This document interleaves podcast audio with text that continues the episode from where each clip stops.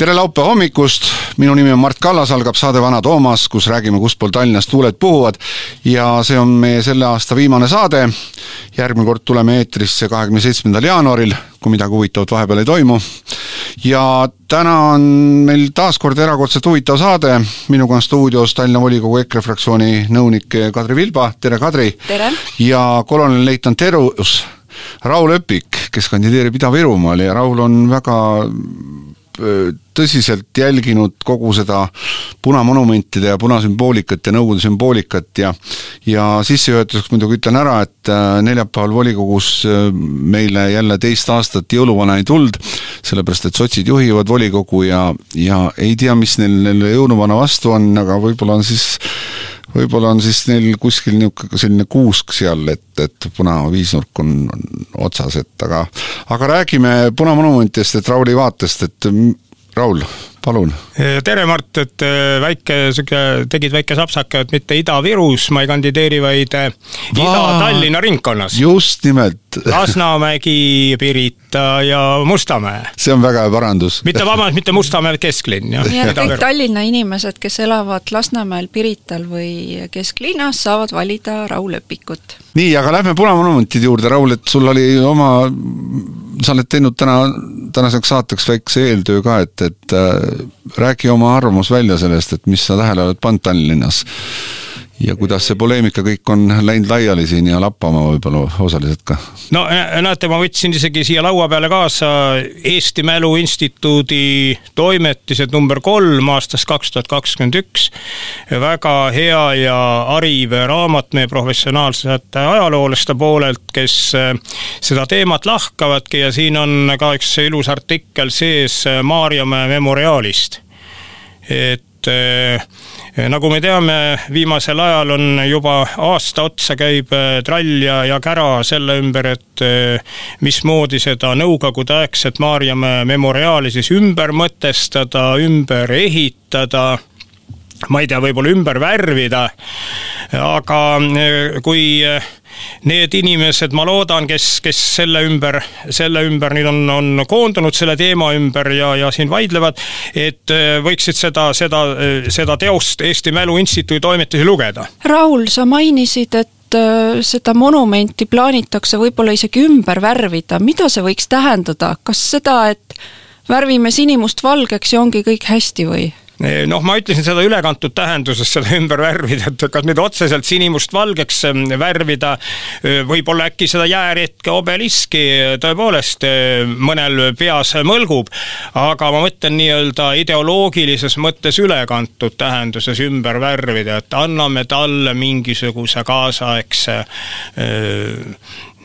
mõtte, siis ma ütleks, et see on, see on juba eos nii-öelda läbikukkunud idee, sest äh, me peame meeles pidama ühte põhilist asja kes ja mis eesmärgil selle Maarjamäe nõukogudeaegse memoriaali püstitas? no siin on just olnud, Tallinnas on põhimõtteliselt ka juttu olnud, eks ole, minu meelest on riigivaldus praegu, kus linn tahtis teda endale saada seal ja abilinnapea Svet on käinud aktiivselt seda, kes juhib nagu kommunaalmajandust ja ja noh, juhib väga kehvasti igal juhul minu hinnangul, kui täna, tänavatele vaadata ja tänavate olukorda vaadata. et äh, ta on rääkinud ka täpselt sellest, nagu sa rääkisid, et ümbervärvimisest jutumärkides rääkides, et, et, et anda talle mingisugune uus tähendus, et ta sobituks nagu siia tänapäeva Eestisse siis sisse, aga noh, kolmkümmend aastat möödas, sellest pole nagu mitte midagi juhtunud. jah, aga ma tuletaks meelde, millal Nõukogude aegne Maarjamäe memoriaal üldse eh, labidas nii-öelda mulda löödi ja millal sellega eh, toimetama hakati, millal ta tekkis, oli sügis, hilissügis, detsember tuhat üheksasada nelikümmend Nõukogude võim oli Eestis alles suvel kehtestatud ja tuhat üheksasaja neljakümnenda aasta sügisel tuli Moskvast korraldus matta Maarjamäele ümber Vabadussõjas meie liitlaste, brittide poolt äh, Eestile äh, Eesti, Eestile üle antud kahe äh, Vene, Nõukogude Vene lahingulaeva Avtroil ja Spartak hukatud Naissaarel hukatud meremehed. tähendab, tuhat üheksasada kaheksateist britid võtsid need kaks Nõukogude laeva vahi alla, laevade meeskonnad pandi laagritesse, vangilaagritesse Naissaarele ja eestlaste poolt seal kakskümmend viis umbes meremeest, kommunisti, bolševikku lasti maha sõja välikohtu otsusel ning nüüd, kui Nõukogude võimu Eestis taaskehtestati tuhat üheksasada nelikümmend, siis sügisel nelikümmend, samal aastal tuli Moskvast korraldus nende nii-öelda valge eestlaste poolt maha lastud Nõukogude meremeeste ümbermatmised korraldada suurejooneliselt Maarjamäel ja see toimus detsembris tuhat üheksasada nelikümmend. sellega pandi nii-öelda nurgakivi sellele punamemoriaalile ja selle initsiaatoriks oli algul Nõukogude punalaevastik, peaaegu kuni tuhande üheksasaja kuuekümnendate aastateni Nõukogude Eestis. misjärel see memoriaal, ta ei olnud veel siis memoriaal, misjärel nüüd tuhande üheksasaja kuuekümnendatest aastatest alates sai ta üleliidulise tähtsusega memoriaaliks, mis peab tähistama Nõukogude võimu toomist Eestisse, selle kindlustamist ja Nõukogude võimu eest võidelnute nende lugude eksponeerimist, nii-öelda kangelaslikku elukäiku Eestis nendele inimestele mälestusena, kes on Nõukogude võimu eest võidelnud kõik.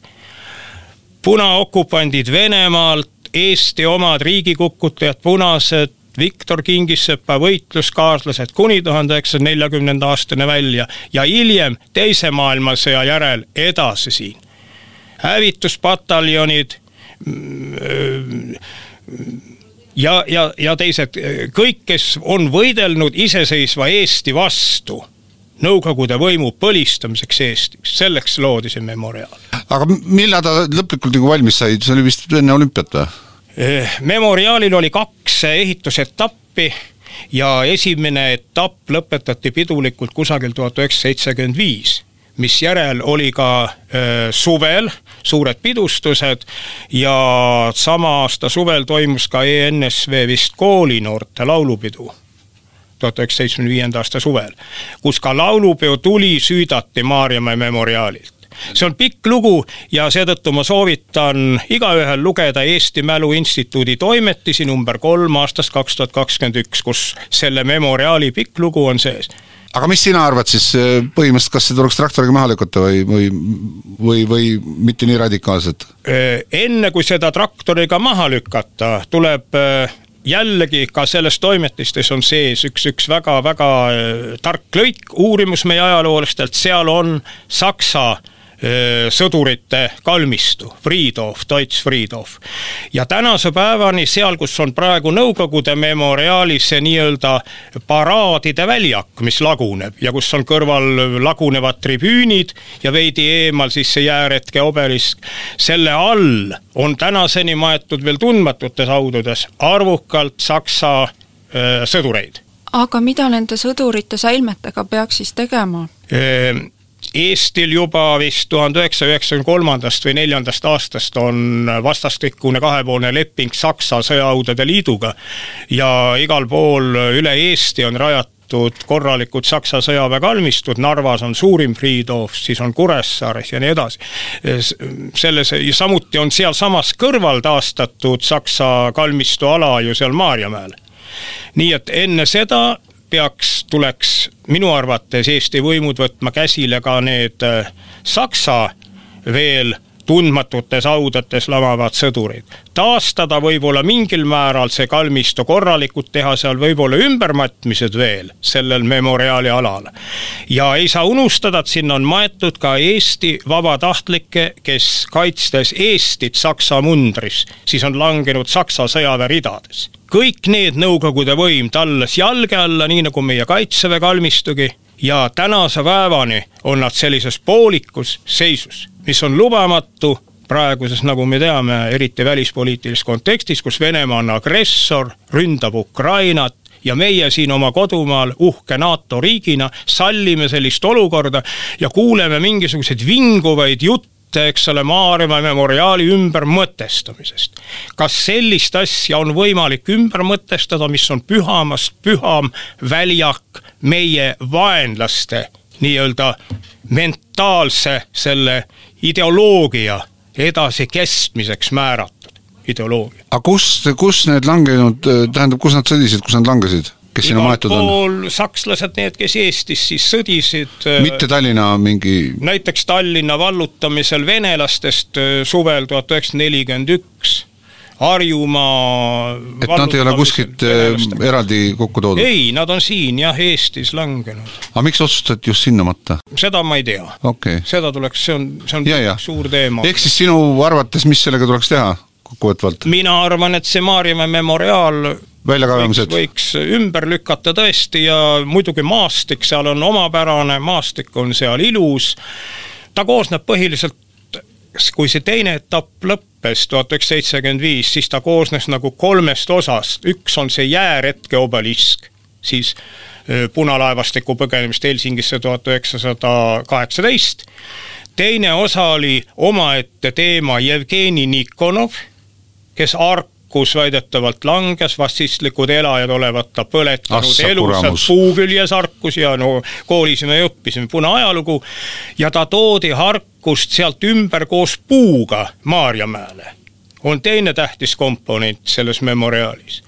ja kolmas, mis kõige lõpuks valmis, on see nii-öelda kangelaste marsiväljak, mis praegu seal laguneb, suur nagu jalgpalliväljak, kus siis Nõukogude armee väeosad andsid kooride kaupa seal vannet vene keeles, kus äh, võeti vastu tähtsaid kompartei ja riigitegelasi ja toimusid pioneeride paraadid, kommunistlike noorte paraadid ja sõdurite paraadid, see oli paraadvälja. no ja peale pronkssõdurite öine vahtkond üritas ka sinna veel uut äh, sisu anda, aga neil vist täielikult ebaõnnestus see, et seal mingisugune komöödia lavastati ja lõpuks läksid nad laiali, rohkem nad tagasi ei tulnud sinna. mul õnnestus nõukogude ajal ükskord ise koolipoisina, ma olin ehitusmalevas Tallinnas, oligi vist seitsmekümne viienda aasta suvi, kui ma käisin vaatamas seda suurt möllu ja, ja punaparaade punalippude lehvides seal äh, samas Maarjamäel.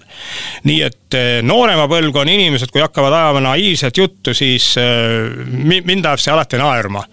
et see on väga püha Nõukogude võimu kehtestamise ajalooline paik, ehk nagu punapüha hiis okupeeritud Eestis. ma küsin ühe detaili juurde, sa tead sellest asjast täpsemalt, et aga see, mis seal Pirita tee ääres on, mere ääres on mingisugune katusealune, et eh, mis eh, komponent see on seal? oot, mis, mis katusalusest sa nüüd mõtled no,? ta, ta nagu, ta nagu kuulub sinna ansamblisse nagu see, mis mere ääres on seal jalgrattatee kõrval praktiliselt, eks ole, täielikult mere ääres on niisugune, kuidas ma ütlen kas see ei olnud kuidagi regatiga seotud? aa, see on jah hiljem tehtud see on hiljem tehtud äh, olümpiaregatiks vist otse mere äärde. et siis ta nagu mingi... kajakatiivad laiali, midagi taolist.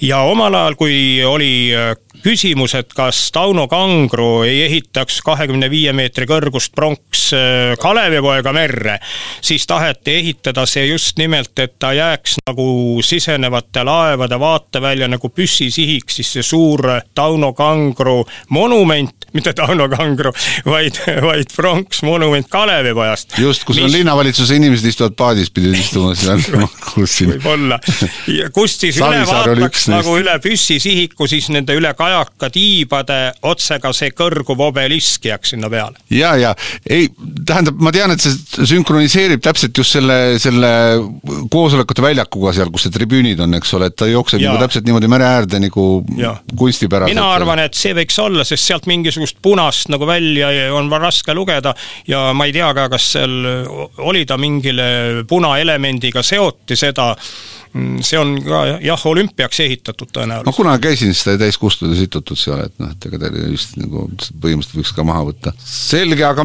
mis muud linnas on, oled sa tähele pannud mingit, ütleme nüüd majas, majade peal sümboolikat näiteks siin noh, kõik diskuteerivad hirmsalt selle, selle Stockmanni vastas, mis seal maja otsas on ja siis on muidugi korstnapühkija juures on vanalinnas ka ühe hotelli, seal on kohe värvitud no, Stockmanni vastas, kui ma oleks, peaksin olema advokaat mingi kõva raha eest, hakkama kaitsma seda viisnurka seal torni otsas, siis eh, mina haaraksin õlekõrrest kinni, ma nüüd räägin nagu vastase poolelt, et, et eh, tänu jumalale see viisnurk ei ole punane ja selle keskel ei ole sirpi ja vasarat kui seal oleks kollane sirp ja vasar punase viisnurga keskel ja ta oleks seal maa ilusa torni otsas. et äkki ta sümboliseerib. maha, maha, maha, aga kuna ta on selline kahvatu hall nagu kogu see hoone, siis no isiklikult ta mind nii väga ei häiri, aga mind alati ajab raevu nende punamonumentide juures see kiun, millest kahjuks orjameelsed eh,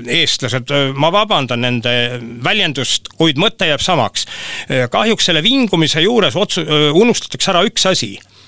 kõik Saksa aaduaegsed svastikad sellistelt hoonetelt on maha kistud ja mille poolest siis vastika kunstiline väärtus jääb nii rängalt alla sellesama Stockmanni vastas oleva viisnurga kunstilisest väärtusest, kui ta on ilusas tammepärjas ja nii edasi. kui oleks üks vastika mõnel hoonel alles kunstilise kõrge väärtusega, mida näiteks EKA rektor Mart Kalm kas või kaitseks, siis ma olen kahe käega selle poolt, et las see üks viisnurk ka olla siis. no näiteks Mahatma Gandhi on tulemas ikkagi meie vastasseisule vaatamata on tulemas põhimõtteliselt TTÜ parki ja noh, svastika on teatavasti India üks ususümboleid ja, ja väga iidne, väga just iidne. nimelt ja et sinna ei ole isegi välistatud, et sinna svastika võiks tulla. aga selle Stockmanni viisnurga puhul ma võin öelda näiteks seda, et seda saab väga lihtsalt jutumärkides nagu ümber mõtestada, et me oleme võib-olla Ameerika Ühendriikide viiekümne esimene osariik, eks ole, osaliselt siin, et vahepeal kiskus küll asi lappama minema. ja Ameerika lippude, lipul teatavasti viisnurgad tähistavad osariikide arvu. ja no viisnurk on ju tegelikult ülemaailmselt ikkagi levinud, ta on täht või kuidas aga antud juhul jah, siin vaat ma isiklikult ka hobi korras ei ole väga palju uurinud selle Stockmanni vastas oleva maja ajalugu või miks sinna siis see viisnurk üles pandi, mis seal siis asus viiekümnendate aastate algul, kui see maja ehitati, ta vist valmis tuhat üheksasada viiskümmend kaks või viiskümmend neli või midagi. no nõukogude aeg oli seal all söökla igal juhul, ma tean, ma käisin söömas seal äh, odav, odav, odavad toidud olid ja nii kui ma hapukapsa kõrvale lükkasin, siis tarakan tuli sealt alt välja. ja ma kuulsin sellist kiunu ka, et eh, kui see viisnurk hakata maha võtma, siis peaks terve see torn kukuvad kokku, no tornist oleks kahju. torn on ilus, terav, siivakas. Nii, aga vägev, vägev, vägev, et me saime selle jutu ka ära räägitud, et äh, peale reklaamipausi räägime viimasest volikogu istungist, räägime meie muudatusettepanekutest eelnõus ja vaatame tagasi ka tehtule volikogus, kui meil aega jääb ja, ja siis me räägimegi, aga lähme korraks nüüd reklaamipausile ja tuleme hetke pärast tagasi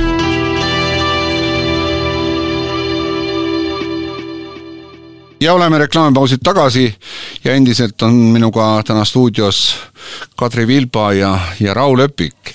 ja räägime siis, äh, neljapäeval oli volikogu viimane istung, kus võeti siis vastu kahe tuhande kahekümne kolmanda aasta Tallinna eelarve. oli selline omapärane eelarve muidugi, et äh, me tegime üksteist muudatusettepanekut, äh, Reform tegi kaksteist ja Isamaa tegi palju, Kadri, seal oli? Isamaal oli kuus muudatusettepanekut ah, ja, ja Eesti kakssada ei teinud ühtegi, nemad solvusid sellepärast, et äh, kui nad eelmine aasta tegid käesoleva aasta muudatusettepanekuid, siis äh, seal midagi neil võeti ei, ratta, rattakuurid olid seal. mida, midagi neil lubati, et tehakse, aga siis ei tehtud ja nüüd nad solvumisest otsustasid, et ei tee enam ühtegi no eks nad olegi väiksed solvujad kogu aeg, et pikali maha nagu siputavad. aga nagu tasub poliitika. ikkagi teha neid ettepanekuid, sellepärast et meie üheteistkümnest äh, läks läbi kolm. noh, see on peaaegu, äh, peaaegu veerand, üle veerandi isegi. Äh, ja see oli isegi kerge üllatus meile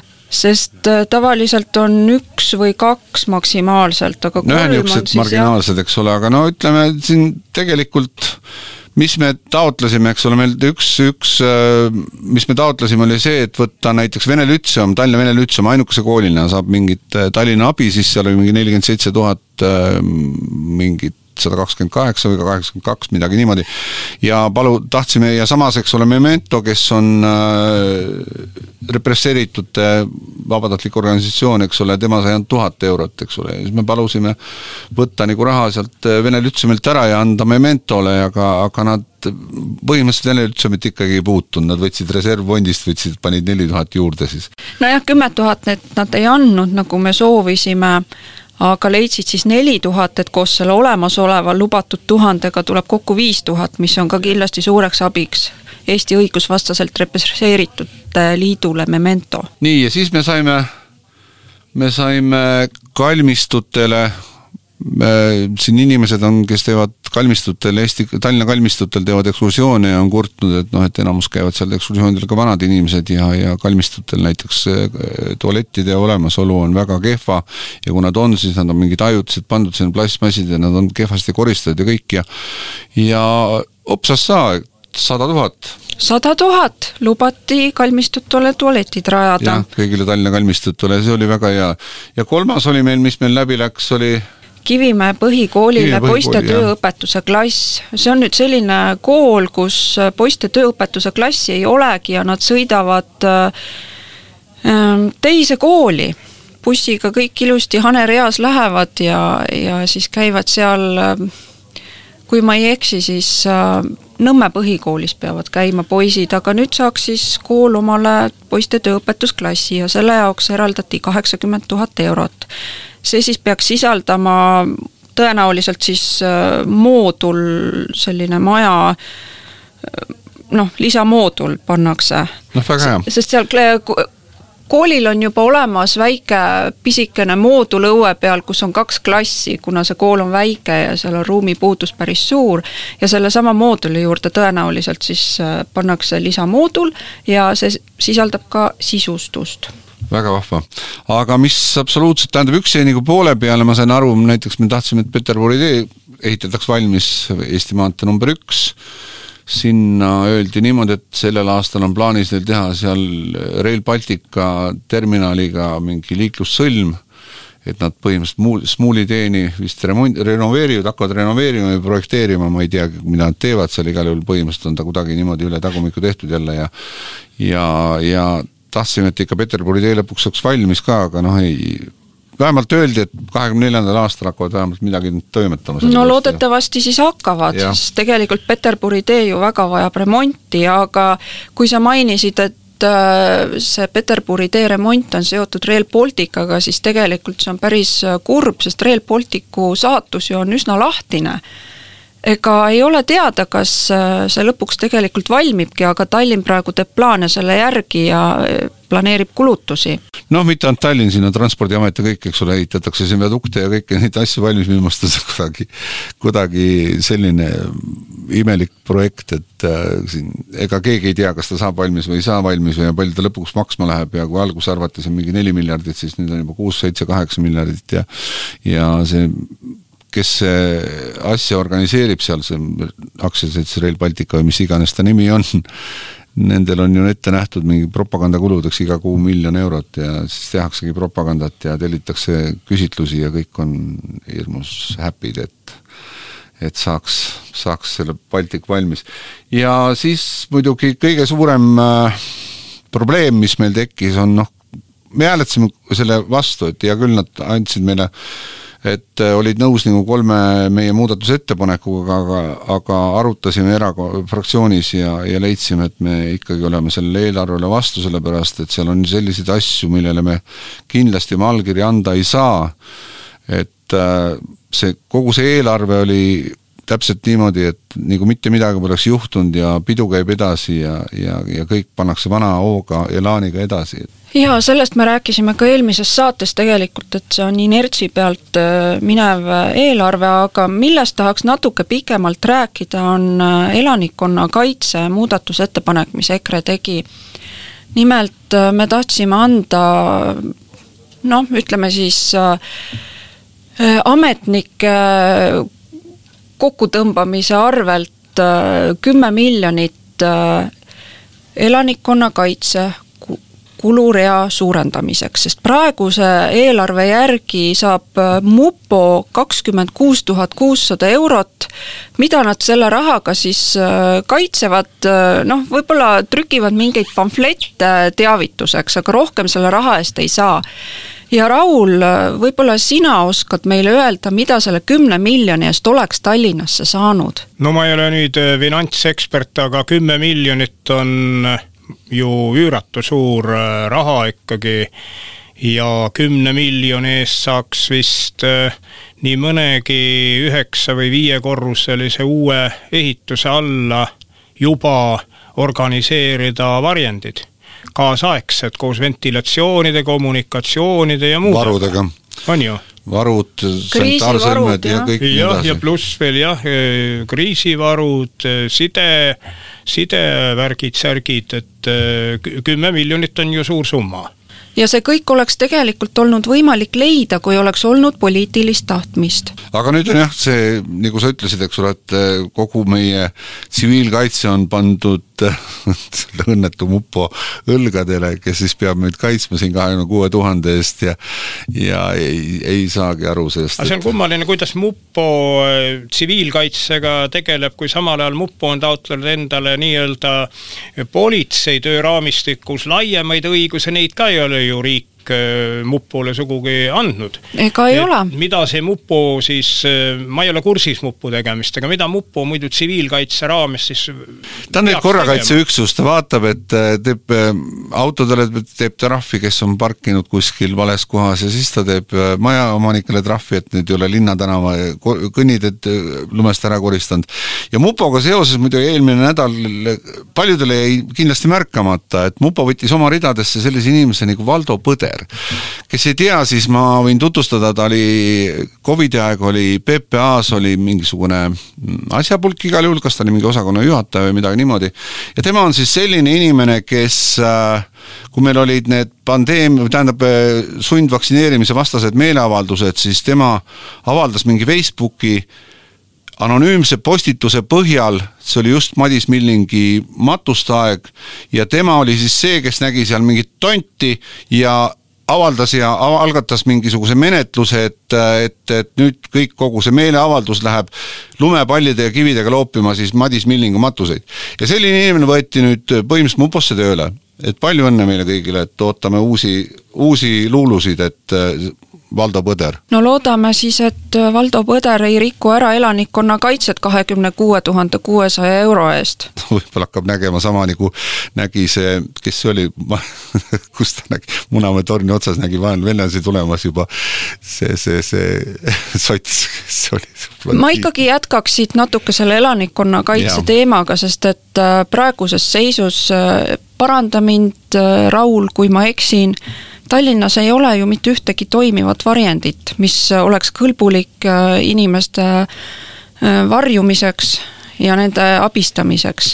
Jah, pean ütlema, ma olen küll Eesti Kaitseväest juba kaua ära, aastast kaks tuhat neliteist ei tea ma sisuliselt täpsemaid Kaitseväe asju, toimetusi sellel alal, aga minu teada ei ole võib-olla mõne uuema maja alla on midagi hädapärast tehtud, aga võrreldes, nagu ma olen kuulnud, Helsingiga, meie naaberriigi pealinnaga, kus muidu ei anta üldse maja ehituseks luba labidat ei tohi enne maasse lüüa, kui projekti ei ole eraldi kinnitatud, siis isikukaitse see süsteem ehk varjendid ja, ja muud kommunikatsioonid Helsingi lõpetas selle iseenesest ära kuskil üheksakümnendate keskel, ausalt öelda. aga praegu, vist taas alustas? vist taas alustas ja, ja siin oli, neljapäeval oli volikogus oli väga huvitav üks päevakorrapunkt oli, kus hakatakse siis, kuidas ma seda lahti räägin, ta oli nagu uus, uusarendused peavad kui linn annab mingisuguse ülesande,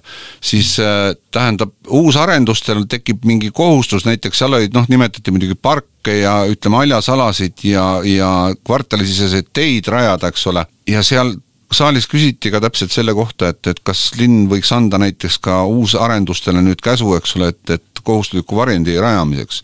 aga noh, see muidugi tõstab kinnisvara hinda kõvasti, et meie niigi kallist kinnisvara, et, et, et aga iseenesest on mõte hea ja ja meil on ka nõukogudeaegsed äh, varjendid, aga noh, neid vist ei ole võimalik ümber ehitada, seal on nii paksud seinad ja need on absoluutselt ei kõlba. no minu vanaema, kadunukene, rääkis, äh, kuidas nemad Teise maailmasõja ajal oma perega varjusid äh, bastionitesse tol ajal need olid siis järelikult kõlbulikud kuidas praegu on, kas sinna oleks võimalik minna ja varjuda kas või paariks tunnikski ajutiseltki, vot ei oska öelda no,. praegu, praegu kindlasti selles Vabaduse platsil ju kus suvel organiseeritakse neid ekskursioone.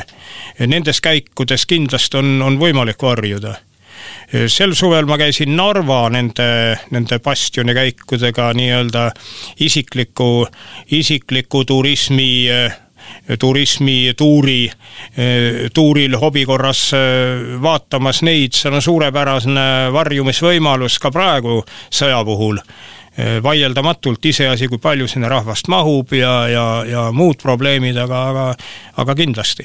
aga see ei lahenda probleemi kui sellist tervikuna, et eh, ja kindlasti, ega nende mahutavus väga suur ei ole ja kõik inimesed ei ole ju ka kesklinnas, mujale oleks ka vaja kohti, kuhu saaks varju minna. nii, aga teeme kokkuvõtte ka volikogu aastast siis, et eh, Kadri, mis mulje sul on jäänud aastast?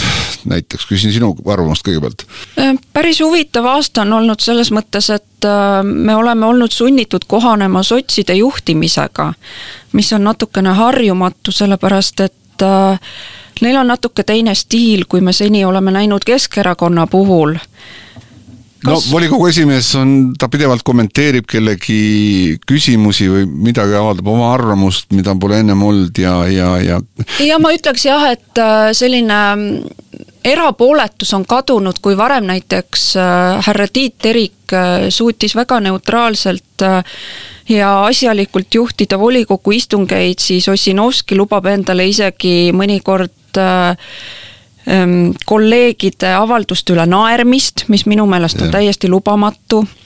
Tema peaks seal ees äh, olema neutraalne või vähemalt üritama olla neutraalne. tema peaks olema see, kes. No neljapäeval no, pidi, neljapäeval pidi peaaegu toolist, tooli alt maha kukkuma, kui meie hea kolleeg Ivan Makarov ütles oma mingisuguse küsimusega seoses, et äh, sotsialistid, punakommunistid ja bolševikud on alati sakraalehitisi maha võtnud, jutt käis linnahallist. et äh, siis Ossinovski ei suutnud absoluutselt oma erutust varjata, nii et turtsus ja plätsus seal nagu ja noh, muidugi kõige hullem asi on see, et meilt on ära võetud arupärimiste võimalus, esitamise võimalus, õigemini suulised vastused nendele, mis peaksid suurde saali tulema. nüüd on mingisugused äh, infotunnid, mis äh, iseenesest on juba läbi kukkunud eos ja, ja tundub, et nad vajuvad täiesti ära, sellepärast et näiteks neljapäevasel infotunnil oli ainult neli küsimust kaks küsijat ilmunud kohale, ehk siis lõpuks jäi alles kaks ja noh, seal see formaat on niimoodi, et üks minut küsid ja kaks minutit saad vastus, vastata ja põhimõtteliselt sa ei saagi sealt mitte mingisuguseid vastuseid, see on õhu väljalaskmine lihtsalt ja rohkem ta ei olegi mitte midagi ja loomulikult on kõik eh, noh, kuidagi voli, volikogu on läinud selliseks mokalaadaks, seal on omad tolad ja omad narrid ja, ja kuidagi ei ole see tõsiseltvõetav ja no mokalaat on üks asi, aga teine asi on ka see, et et äh, volikogu roll muutub kuidagi järjest rohkem formaalsemaks. tal ei ole enam sisu, sellepärast me näeme, et äh, linnavalitsus äh, püüab võtta järjest rohkem otsustusõigust enda peale, teha selliseid asju, et ei tulegi üldse enam volikokku arutlusele, ütlevad, et ei ole vaja, me saame siin äh, linnavalitsuses ise hakkama. aga nii ei peaks ju olema, sest tegelikult äh, peaks olema volikogu see, kes annab ülesanded linnavalitsusele, mitte vastupidi. nojah, see on iseenesest ma lugesin nagu sellest äh, eelarvest ka välja, et esim-, seal oli paragrahv kaks oligi, et põhimõtteliselt kõik antaksegi, otsustusõigus antakse linnavalitsusele ja nemad tegutsevadki ja me saamegi lugeda enamus asju, saame lugeda kõigepealt ERR-ist ja siis saame teada, et see tuleb ka saali.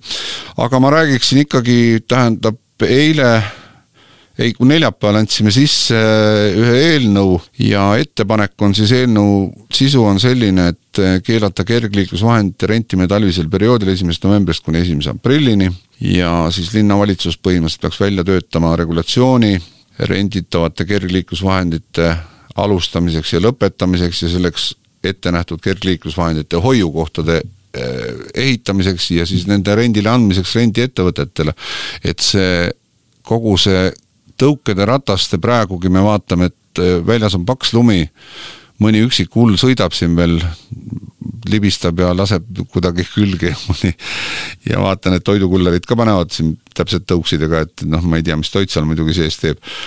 aga siis jäetakse see vedelema nagu kõnniteele ja, ja ta segab koristust, tähendab, lumekoristus segab, ta segab inimeste liikumist, ta segab lapsevanemaid, kes kärudega sõidavad, isegi ratastooli inimesi ja kõik niisugused asjad, et et see asi on täielikult reguleerimata ja paras anarhia ja põhimõtteliselt peaks linn korrastama kogu seda asja ja vähe karmimalt suhtuma nendesse kõikidesse rendiettevõtetesse ja panema neile reeglid paika. sest ilma reegliteta elu on anarhia teatavasti ja siis meil oli, eh, eelmisel nädalal muidugi küsisime Kaljulaidi kohta, Kaljulaid, Raimond Kaljulaid on meil ka volikogus ja tema seotust rahapesu aferistidega ja nende annetuse saamisega saime üsna lakoonilise vastuse selle kohta, et jah, et las uurimisorganid tegelevad. ja siis küsisin ka muidugi linna pealt eelmisel nädalal, et et äh, ratta, need kullerid, just toidukullerid, kes sõidavad absoluutselt ilma valgustamata kõiki liikluseeskirju eirates ja et kas nende kohta mingit regulatsiooni on, näiteks et nad peaksid oma ratast näiteks üle vaatama, nagu kuskil mupo vaataks nad üle, et nad on tehniliselt korras, neil on valgustid kõik peal, et nad on Eesti Vabariigi kodanikud, et neil on tööload, et maksavad makse ja kõik niisugune asi peaks käima. igal juhul järgmisel aastal paneme edasi ja, ja soovin kõikidele meie kuulajatele ilusat ja rahulikku jõuluaega ja nagu saate alguses öeldud, siis kohtume uuesti kahekümne seitsmendal jaanuaril. seniks kõike ilusat ja head vana aasta lõppu ja aitäh, Raul ja Kadri, et saate ka oma soovid anda meie kuulajatele edasi, et Raul. ilusaid jõule kõigile ja, ja julgelt uuel aastal edasi, Eesti eest! päästame Eesti! kauneid pühi kõigile ja olge koos oma kõige kallimatega sellel ajal just, ja EKRE võidab. minge kindlasti valima juba ette pange ennast valmis, me kutsume igas saates uuesti seda ja valige loomulikult EKRE-t